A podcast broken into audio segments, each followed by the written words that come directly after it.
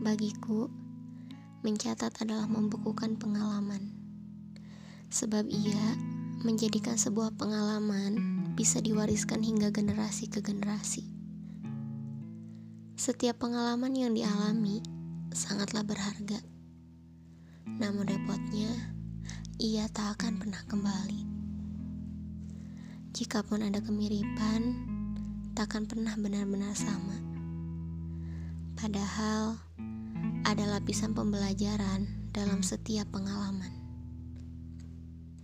Mari kita menengok ke hari-hari di masa kecil kita. Bukankah setiap fase kematangan berpikir senantiasa menghadirkan pemahaman yang berbeda?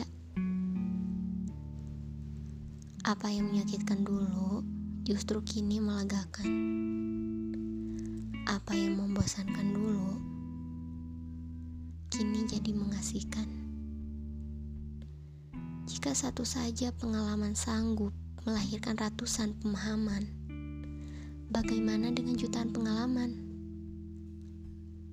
Sekiranya saja tiap pengalaman kita catat, bayangkan betapa kayanya diri kita dengan pemahaman.